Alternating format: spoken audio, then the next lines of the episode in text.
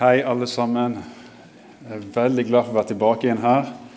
Tusen takk igjen for at eh, jeg skal få lov å komme hit og, og, og tale og snakke over dagens tekst. Eh, jeg finner det veldig ærefullt og en stor tillit å få lov å eh, undervise over Guds ord. Og i dag så er det Lukas 12 Eh, vers 41-48, som, som, er kirkeårets tekst, søndagens tekst i dag. Skal vi se La oss bare be før vi, før vi begynner. Gode Gud, vi priser deg, Gud. Vi takker deg. Du er god. Du er vår skaper, du er vår opprettholder, og du er vår frelser, Gud. Takk for at vi kan samles i dag, på denne nydelige dagen. Takk for denne forsamlingen. Vi kan samles fritt. Der vi kan lovprise deg.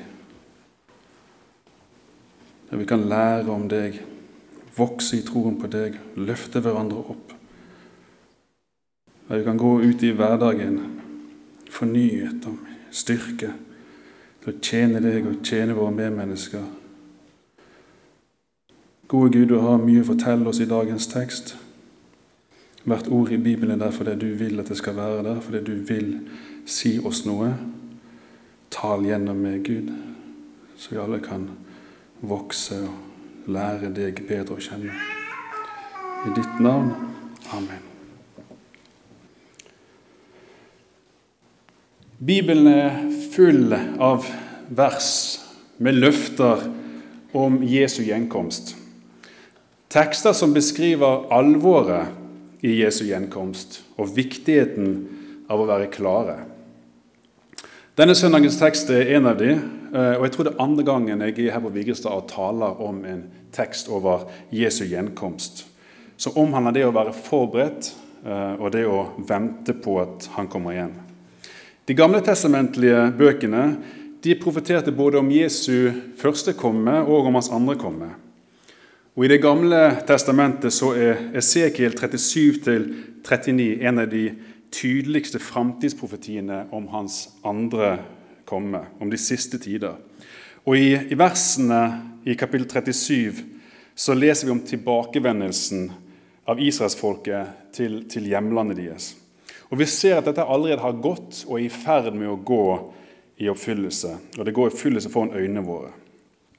En annen bok i Gamle testamentet, Daniels bok, spesielt i kapittel 9, så finner vi en nøyaktig profeti på hvilke år Jesus skulle dø. I dette kapittelet forteller engelen Gabriel Daniel om disse 70 ukene. Ikke normale uker av syv dager, men uker av syv år.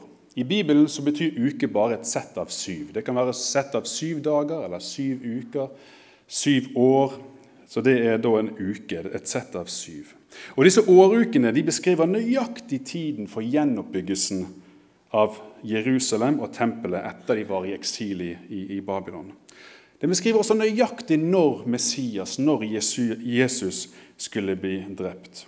Og Den beskriver også i detalj trengselstiden i de helt siste dager, noe som ennå skal komme i framtiden. Der er det da Antikrist som inngår en pakt med Israel, og han forfølger de kristne. Det er en forferdelig tid. Eh, verste tiden i menneskets historie. Vi er ennå ikke der. Men vi lever midt i oppfyllelsen av disse profetiene eh, i dag. Og jeg tror mange av oss ikke aner hva spennende tider eh, vi befinner oss i. Det nye testamentet er også full av avsnitt og vers om Jesu gjenkomst. Og jeg er fristet til å si at Det gamle testamentet, der det pekte mot primært Jesu første komme, så peker eh, Nytestamentet om Jesu andre komme. På hans endelige dom og hans oppgjør med synd, fullendelsen av historien og ikke minst inngangen til en evig herlighet med Gud for de frelste og en evig fortapelse for de som ikke tror. Det nye testamentet er altså stappfull av vers om Jesu gjenkomst, om evigheten. Så det er tydelig at eh, Jesus vil, Jesus vil gjøre disiplene og folkemengden og alle framtidige lesere av Bibelen eh, oppmerksom på at han en dag kommer igjen. Og han vil gjøre oss forberedt på hans komme. Han vil gjøre oss forberedt på livets to, omgang, eh, to utganger. Vi finner godt over 100 avsnitt eller 100 vers i Det nye testamentet som snakker om Jesu gjenkomst. Så det er for tydelig at dette er et viktig og et sentralt tema. Det er ikke et trivielt tema. Men ofte når noen av oss kristne søsken noen av oss begynner å snakke, vise litt for stor entusiasme eller interesse for dette temaet, så blir de, har jeg i hvert fall opplevd, de blir møtt med litt skepsis og litt advarsel. Ja, ja, ingen vet jo når det skjer. Eller 'dette her har jo folk sagt i alle tider'.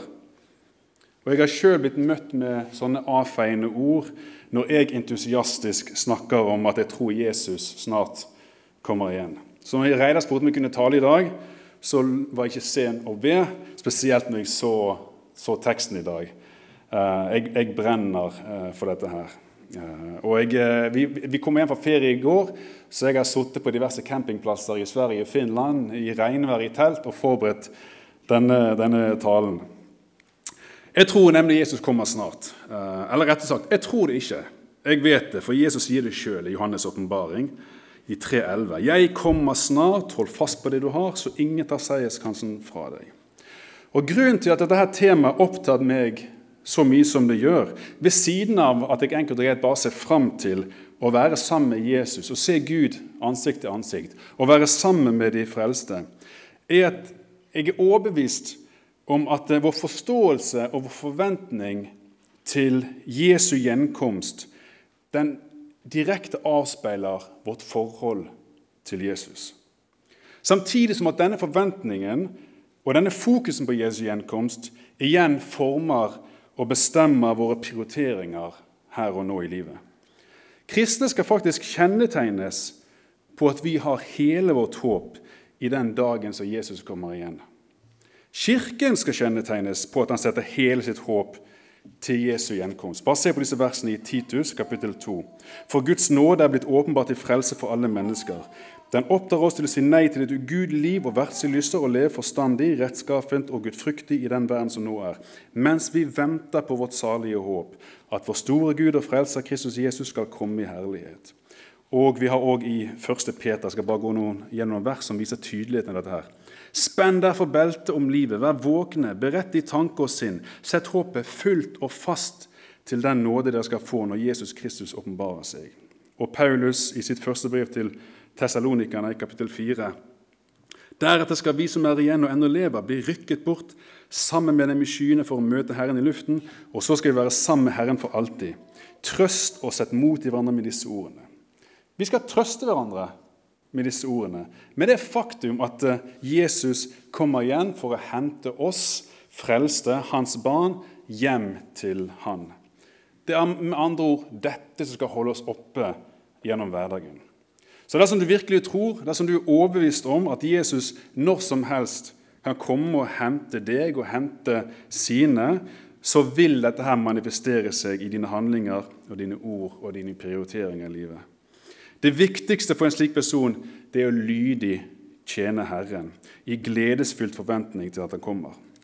Og forkynne evangeliet til folkeslag, så alle som tror på han kan ha evig liv.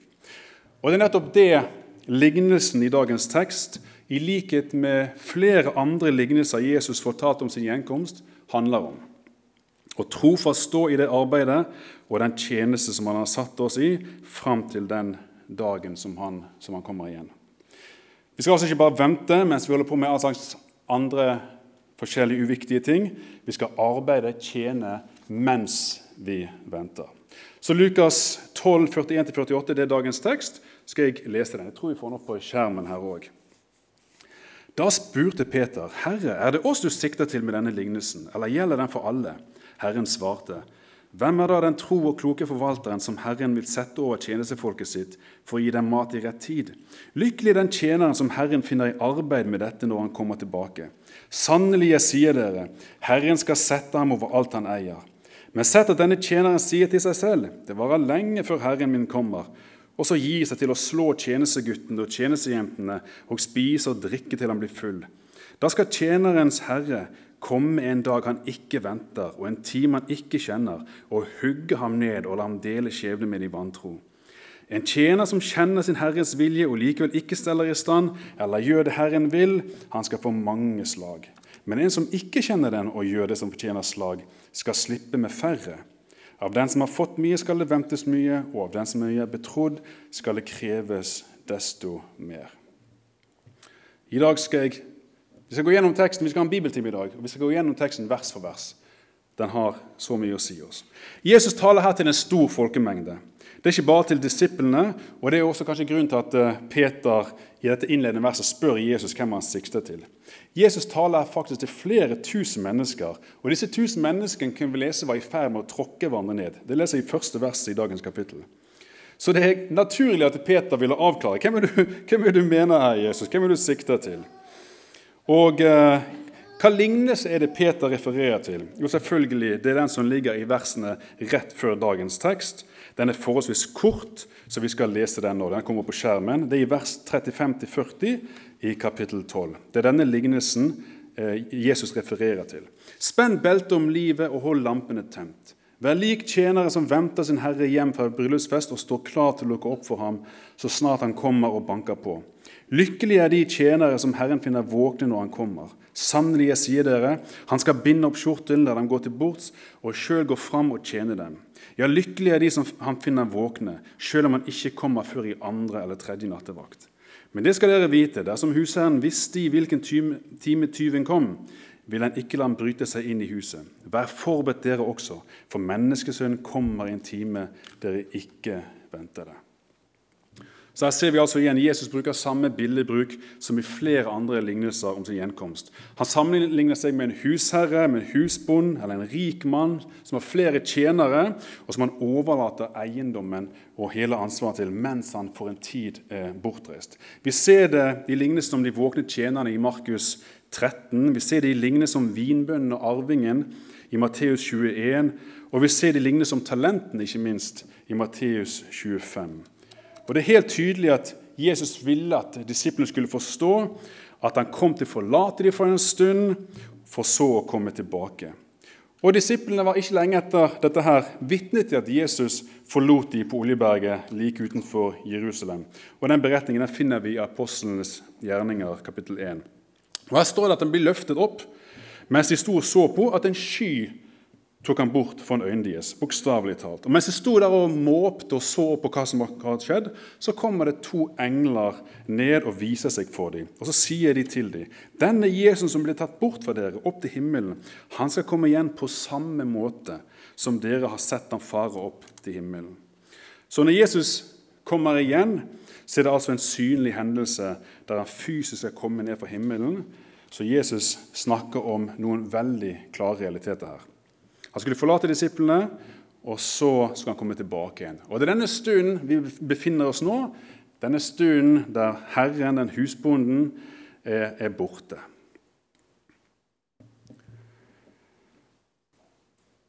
Jesus er borte for en tid. Han har overlatt sin dyrebare eiendom og et enormt ansvar på oss, som, vi, som er hans tjenere. Og han kommer snart igjen, som vi leste. Det er det lignelsen taler om. Og det er her Peter ønsker avklaringen. Hvem er denne tjeneren som du snakker om i lignelsen? Er det oss, da mener han disiplene, han og de elleve andre, som trofast har fulgt Jesus, eller er det alle disse tusen? Hvem, hvem, peker, hvem, hvem er du sikter til? Og Da svarer heller Jesus, istedenfor å si konkret hvem han sikter til, svarer han med nok en lignelse og et spørsmål.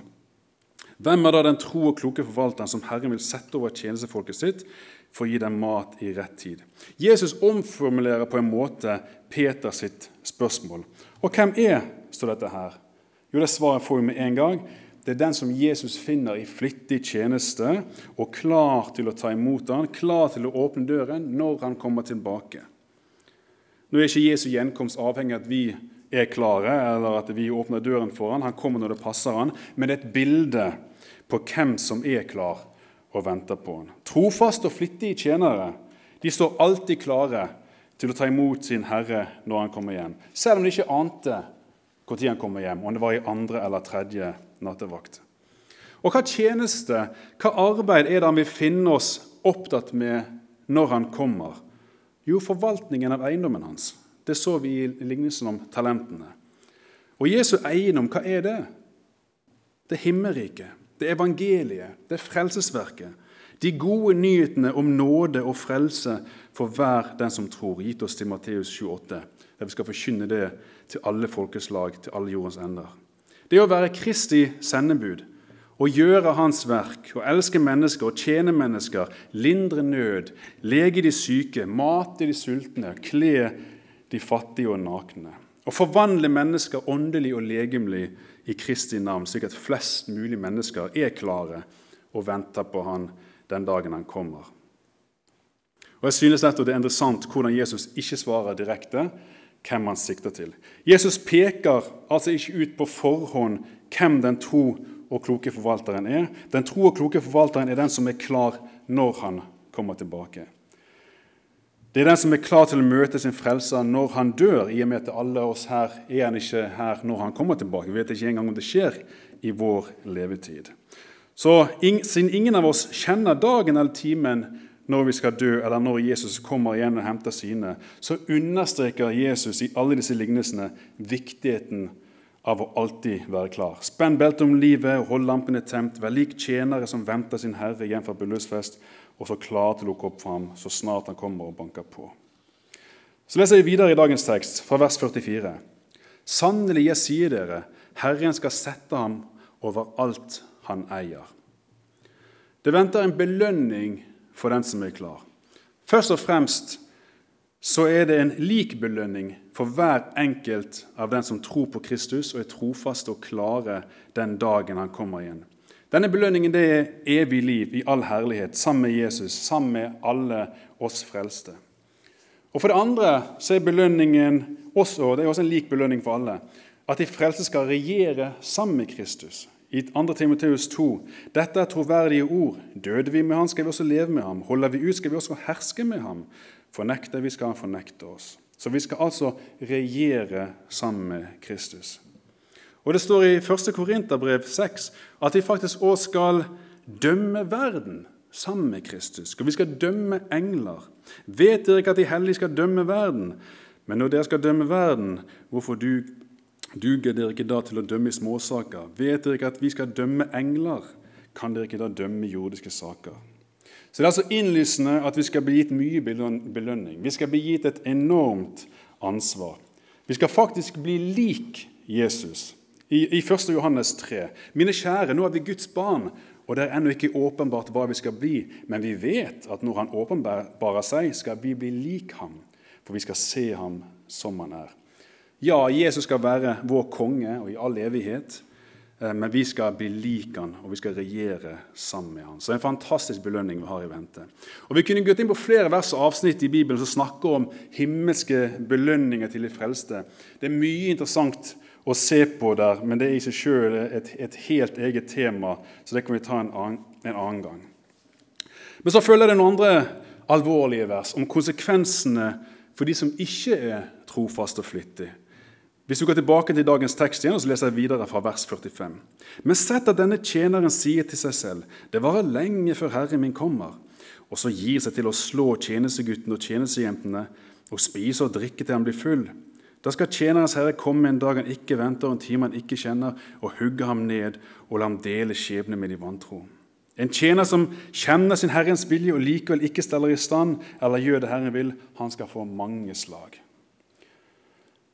Forkynnere og teologer har forskjellige oppfatninger, eh, litt delte oppfatninger rundt hvem denne tjeneren er. I disse tre versene så snakkes det nemlig om det er en som identifiserer seg som tjener, og denne tjeneren vet med seg sjøl at Herren hans en dag kommer igjen.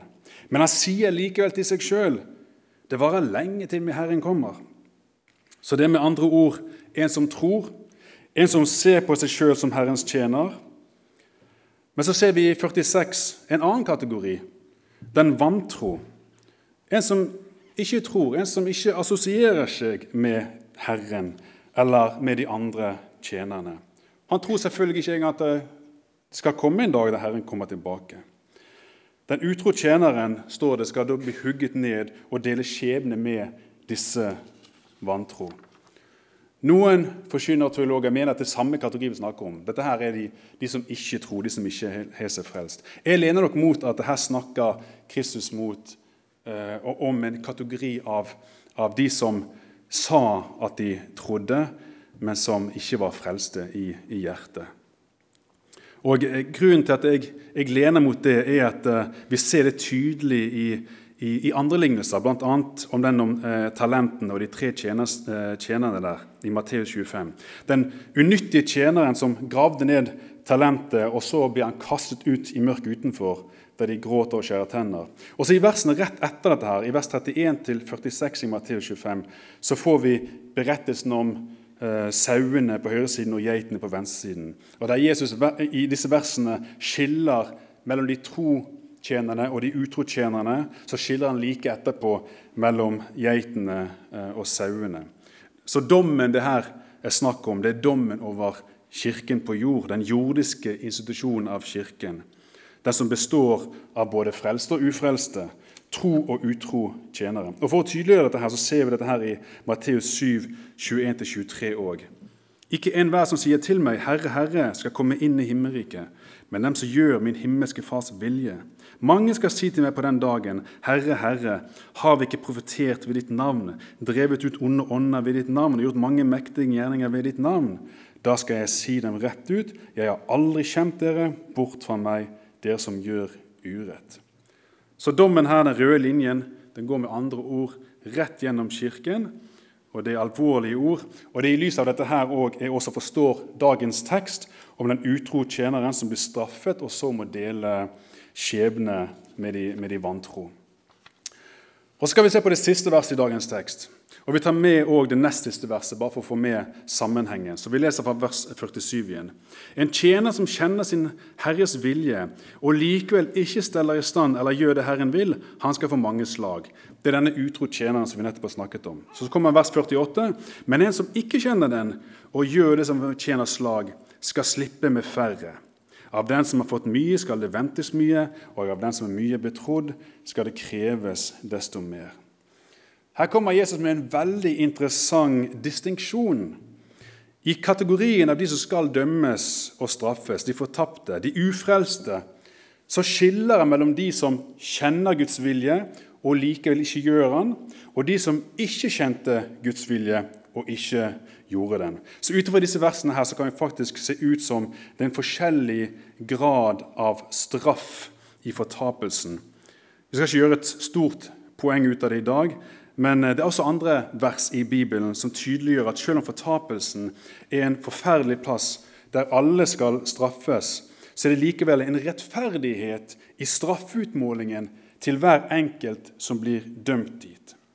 Og Hvis du tenker deg om, så må det være sånn for her er det noe som er viktig å være klar over. Fortapelsen, eller helvete som, som det kalles, det er ikke der hvor djevelen og alle hans engler holder til. Helvete er ikke djevelens rike, en plass i undergrunnen eller noe sånt, der Satan har eller kommer til å ha full makt og på en måte skal plage alle som, som kommer dit. Dette måtte Dantes inferno, dette her, her, eh, dette her skuespillet fra 1500-tallet, som har formet folks forståelse av hva helvete er. Og Det er dessverre ofte oppfattelsen også mange kristne har av denne plassen. Men her er noen veldig interessante detaljer om fortapelsen. Per i dag så tror jeg det er helt tomt der. Vi vet ikke engang om det per i dag eksisterer. Vi vet at det skal eksistere en dag, og da skal det eksistere til evig tid. Men vi vet også at er det én plass djevelen ikke er i dag, så er det i helvete. Hvordan vet vi det? Jo, Det leser vi i Johannes' åpenbaring 20. Og djevelen som hadde forført dem, ble kastet i sjøen med ild og svovel, hvor også dyr og den falske profeten er. Og der skal de pines dag og natt i all evighet. Og i, i, i Matteus 25, domsteksten i Matteus 25 så sier Jesus følgende.: Så skal han si til den på venstre side.: Gå bort fra meg, det som er forbannet, til en evig ild som er gjort i stand for djevelen og englene hans. Så fortapelsen, eller helvete, er altså en plass som djevelen og alle hans engler og alle de ufrelste en dag i framtiden skal bortvises til. Det er en plass som Gud har stelt i stand, en plass som Gud har tilberedt. Det er en plass der Guds rettferdighet råder. Det er, en, det er en plass der Guds vrede fullt er til stede, men også en plass som er blottet for Guds nåde. Nådetiden er da over på det tidspunktet historien. Og siden fortapelsen er en plass hvor Gud skal fullbyrde sin rettferdige dom og straff over djevelen, hans engler og alle ufrelste, så er det fullt grunnlag å anta at nivået av lidelsen av straffen vil variere. Men en som ikke kjenner den og gjør det som fortjener slag, skal slippe med færre. Av den som har fått mye, skal det ventes mye, og av den som mye er betrodd, skal det kreves desto mer. Nå har vi gått gjennom dagens tekst vers for vers eh, og sett hvordan det, er, det handler om tro og flittige tjenere, klare når Jesus en dag kommer igjen. Og vi har sett at dette nå skal prege oss som kristne, at det skal kjennetegnes ved at vårt fulle og faste håp det skal være i Jesu gjenkomst. Men nå i hvert fall, så tror jeg mange vil tenke på samme måte som jeg gjorde da jeg var noe yngre.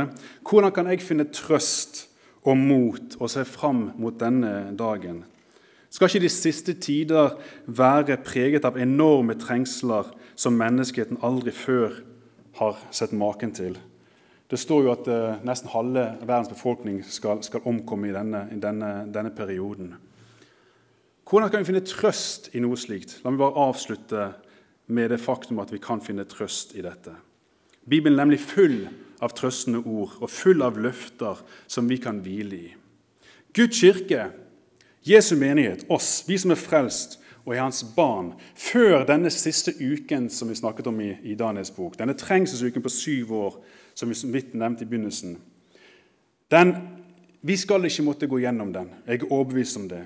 Vi skal bli tatt bort, vi skal bli tatt opp til Jesus, og vi skal være med han i all herlighet, i all evighet.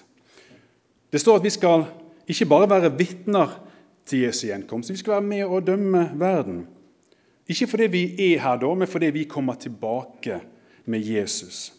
Jeg vet at det er forskjellige syn eh, og meninger om de kristne skal bli rykket bort før trengselstiden, eller om de skal bli rykket bort midt i trengselstiden, eller om det er noe opprykkelse i hele tatt. Noen mener det er en myte som har kommet opp i noen bøker. Jeg mener å finne det klart i Bibelen at det skal være en opprykkelse. Så jeg vil bare se på kjapt noen vers. Igjen, Dette er vers som skal bygge oss opp. Og vi, skal, vi kan eh, sette mot i oss og trøste oss. Og Vi ser i samme bok som det er i dag, i Lukas, noen kapitler senere, i kapittel 21. Våk hver tid og stund og be om å få kraft til å komme velberget fra alt det som skal hende, og bli stående for menneskesønnen. Vi skal med andre ord bli berget fra det som skal hende. I grunnteksten hvis du går og ser på de greske ordene oversatt en for en, så står det at vi skal bli funnet verdig til å unngå alle disse tingene som skal komme, og vi skal stå foran menneskesønnen. Men det er fullt andre skriftsteder også som gir oss Eh, overbevisning og tro på at Jesus vil ta oss bort før trengslene begynner. I Johannes' åpenbaring kapittel 3 så står det fordi du har tatt vare på mitt ord om å holde ut, vil jeg bevare deg gjennom den tiden av prøvelser som skal komme over hele verden, for å prøve dem som bor på jorden. Gud vil bevare oss hos Han gjennom denne tiden. Vi skal være hos Han mens dette skjer. Og I neste kapittel i åpenbaringen så underbygges dette her. Da tas Johannes i et syn opp til himmelen foran Guds trone. Og Rundt tronen så er det 24 andre troner. Og På disse sitter 24 eldste i hvite klær og med seierskranser av gull. Og Hvor er det som seierskransen? Jo, i Paulus, den som de kristne får. Og I, i, i Johannes' ombaring så er dette kapittelet før trengselstiden, som han senere observerer Eh, utløpet av. Disse 24 eldste med seierskransen på hodet det representerer Kirken, oss kristne. Vi som bevarte troen og vant seierskransen. Vi er på dette tidspunktet sammen med Gud. Vi sitter på tronen sammen med Gud. Og så begynner trengselstiden, som Johannes beskriver gjennom resten av boken. Kirken er borte fra jorden. Jesu menighet er samlet i himmelen. Dette etterlater igjen et vakuum der det ikke finnes noe godt lenger på jorden, som er med å slippe løs alt dette her onde som skal skje. Og så blir Guds vrede utøst over jorden i disse syv årene. I Johannes 14.: I min fars hus er det mange rom. Var det ikke slik, hadde jeg da sagt dere at jeg går og vil gjøre i stand et sted for dere?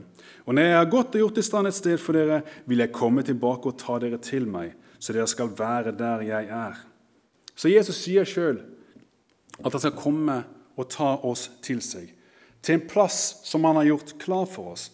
Dette er ikke den nye jorden som Gud skal skape etter at denne jorden er ødelagt. Det er heller ikke denne jorden der vi tror at eh, han skal regjere i 1000 år. Nei, det er en plass i hans fars hus. Vi skal altså være med Jesus en tid før vi skal bo på en ny jord i all evighet.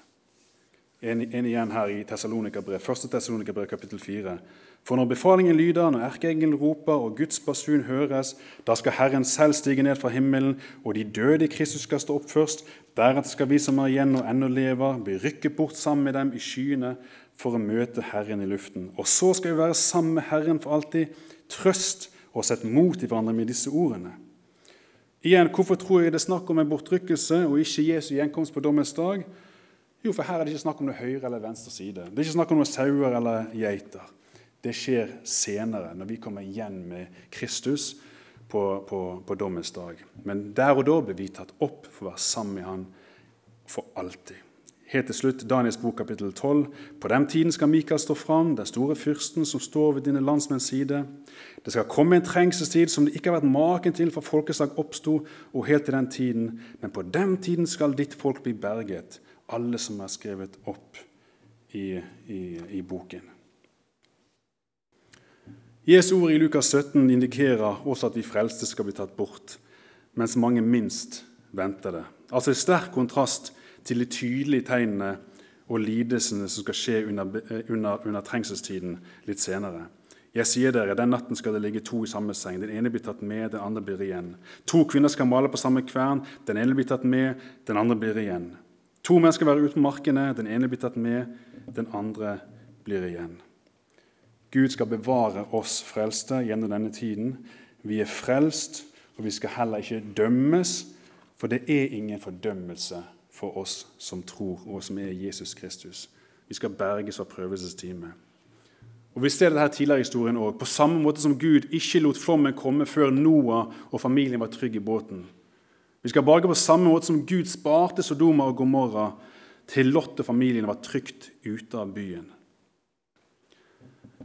Men like fullt så skal vi ta Jesu ord i dagens tekst alvorlig om å, være, om å våke og være klare, for vi vet ikke når denne dagen skjer. Jesus kan når som helst. Sånn som jeg ser det i historien i dag, så kan dette når som helst skje. Han kan når som helst ta oss bort, og med det sette i gang denne siste uken. Så vi må bare være klare. Vi lever i en fallen verden som en dag skal gå under.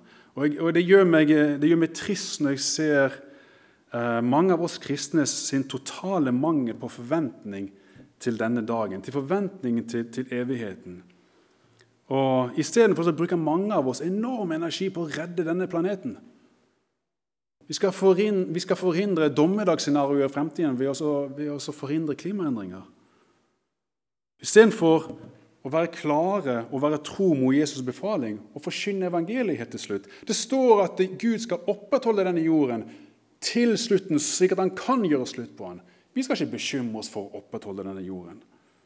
En hel generasjon vokser nå opp med angst for framtiden. En nylig undersøkelse som kom ut nå i sommer, det sto i NRK, viser at mer enn halvparten av alle folk under 30 år har, har angst eller er redd for fremtiden pga. alt det som skjer. Pga. klimaendringer og pga. pandemi Kirkens SOS får stadig telefoner for unge med angst. Og de sier de vil ikke ha barn. De vil ikke sette barn til denne verden. Folk er livredde for framtiden. De er livredde for såkalte klimaendringer, og de er livredde for denne, for denne pandemien. Når du ikke har Gud, når du ikke har det evige liv og ditt fulle og faste håp i livet, så er dette livet, dette som du har her og nå, denne kloden, det er alt du har. Og Det er da du får politikere som sier de er livredde. Og så får du folk som stemmer på disse livredde politikerne. I disse valgtider skal jeg komme med ett tips. Ikke stem på en livredd politiker. Livredde folk det er dårlige ledere. Vi har ingenting å være redde for. La oss trøste og sette mot i hverandre med disse løftene om framtidig herlighet i evighet. Martin Luther, vår, vår, eh, det, vår eh, Nå står ordet, ordet stille her. Eh, reformasjonsfar. Han, helt, han, han, var virkelig opptatt av, av, av Jesu gjenkomst, endetiden. Han trodde til og med at det kom til å skje i hans tid. Og uh, han, han, så en gang barna hans stå rundt bordet. Han hadde jo ganske mange barn etter hvert. Og så så han uh, disse barna stå forventningsfullt rundt bordet. De skulle få utdelt noen ferskener. Og de sto der og trippet og smilte og var glad. Og så sa Martin Luther dette må være et eksempel for oss. Denne forventningen å se på, noe godt, at de vil se fram mot det. Og måtte det være for oss å se fram mot Jesu gjenkomst på samme, på samme måte. La oss ta dette med oss inn i dette nye året, den nye uken. Jesus kommer snart. Det er ikke noe vi skal frykte. Vi skal tvert imot glede oss til at han kommer snart. Trøst oss et mot i hverandre med disse ordene. Det skal være en trøst og en oppmuntring i en ellers kaotisk og ondskapsfull verden, skal vi be. Gode Gud, takk for ditt ord. Takk for dine løfter om at du skal komme igjen. En dag Gud, skal vi være sammen med deg i all evighet, i all herlighet. Det skal ikke være noe lidelse, det skal ikke være noe vondt, det skal ikke være noen bekymringer. I all evighet så skal det bare være godt. Gode Gud, hjelp oss Gud, hjelp oss til å være klare. Hjelp oss til å dykke ned i ditt ord. Hjelp oss til å meditere på ditt ord. Hjelp oss til å holde kursen og, ha målet i sikte, og ikke bli forvirret og, og, og distrahert av alle andre ting her i livet, Gud. At vi kan ha sikte på den seierskransen som vi skal få i himmelen, Gud. Hold oss fast i det, Gud. Hold oss fast i dette håpet, så vi kan bygge hverandre opp, trøste hverandre og gå gjennom dette livet her på jorden med, med glede og smil av ansiktet, der vi tjener andre, forkynner ditt ord, så flest mulig er klar når du en dag henter oss. I ditt navn. Amen.